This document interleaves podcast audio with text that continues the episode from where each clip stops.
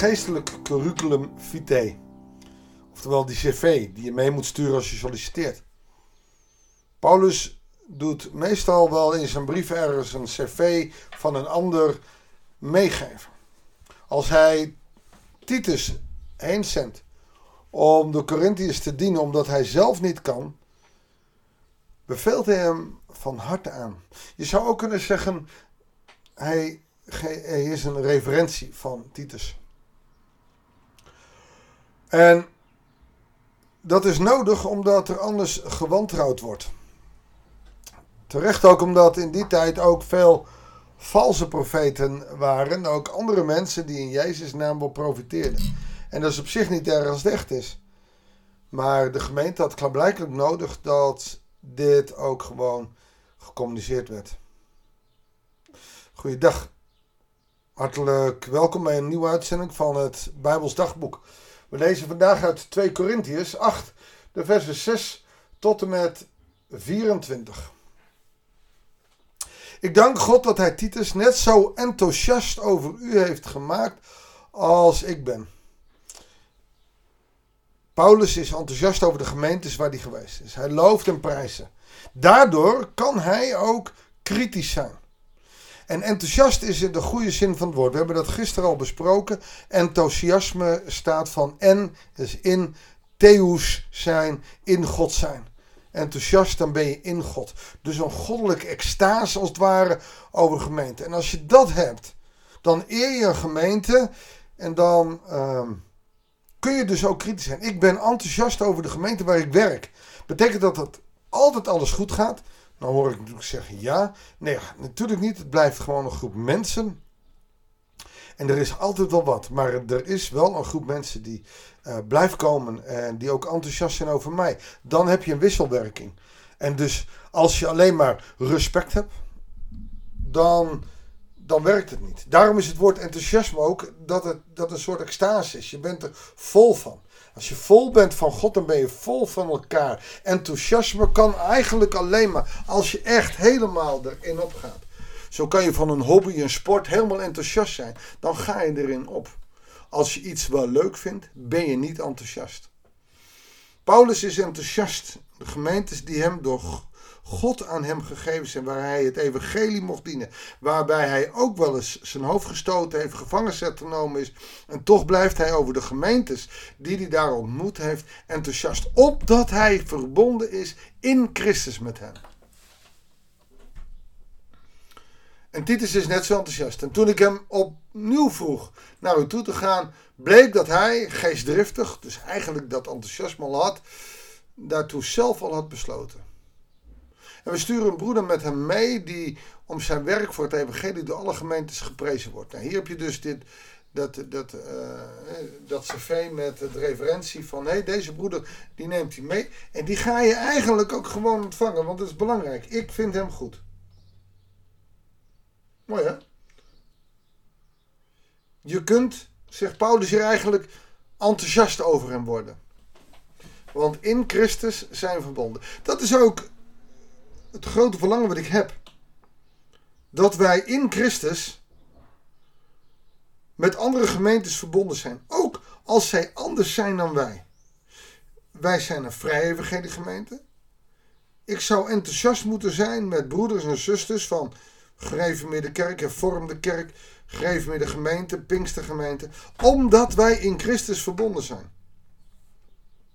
Het jammer is dat dat niet altijd gebeurt. En dat is heel verdrietig.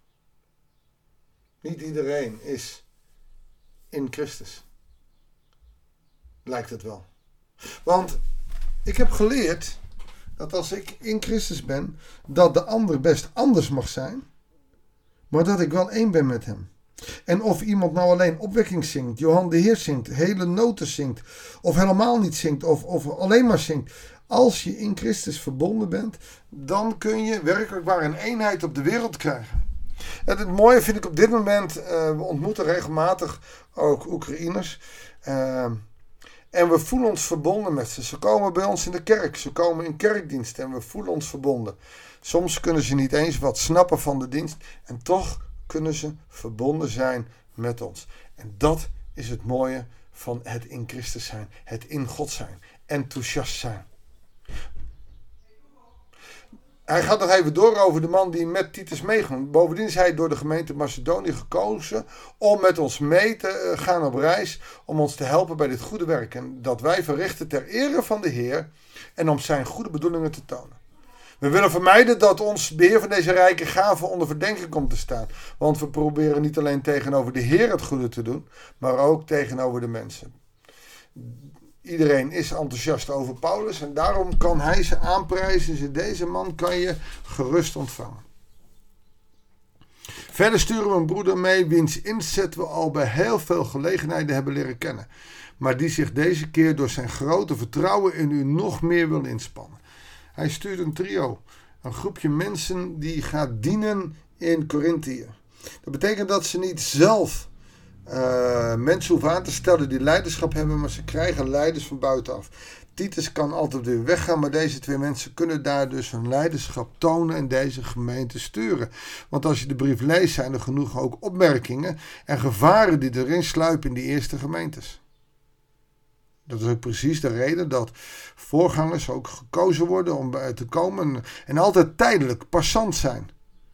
Je bent niet voor je hele leven uh, aan één gemeente verbonden. En je ziet ook daar waar 20, 25 jaar iemand verbonden is aan een gemeente, dat dat vaak niet goed is. Dat wil een voorganger vaak zelf niet herkennen, maar het is voor de gemeente, hoe je het ook bent, verkeerd. Ik vind dat absoluut niet goed.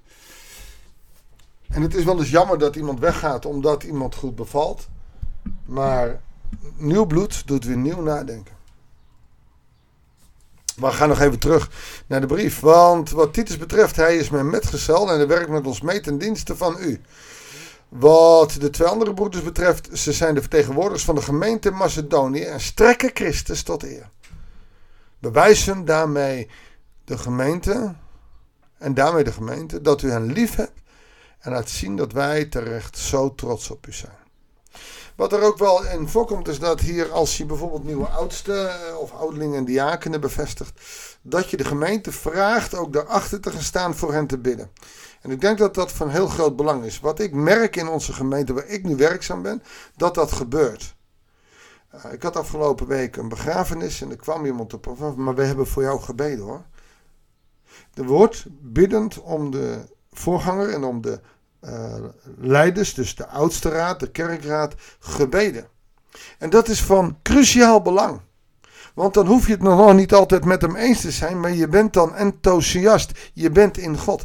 En dat is van enorm groot belang. Want als je enthousiast blijft, dan gaat het ook veel minder gauw verkeerd. Dan kan je er voor elkaar zijn. Dat is wat God van ons wil. Dat wij in Hem zijn en dus in hem enthousiast over de ander. Laten we daarvoor bidden. Heere God wil ons enthousiast maken. We zien hier ook een reden waarom we echt in u moeten zijn. Niet slechts maar gelovigen, maar echt in u zijn. Dat betekent dag en nacht met u leven. Enthousiast zijn over u. Vol zijn want waar het hart vol van is, daar loopt de mond van over. Dat wil u. Want eh, dat is het voordeel ook van enthousiasme. Dan, dan houden we ons mond niet. Ook niet als we bij de ander zijn. Heer, leer ons zo vrijmoedig te spreken. De ander te zien, ook al is hij van een andere kleur, van een andere kerk. Als we in u zijn, Heere God, maakt dat niet uit. Heer, geef ons zo dat we in u mogen zijn. Wil u door uw Heilige Geest ons samenbinden, zodat er geen verdeling is, maar dat er eenheid is. Dat binnen we in Jezus' naam. Amen.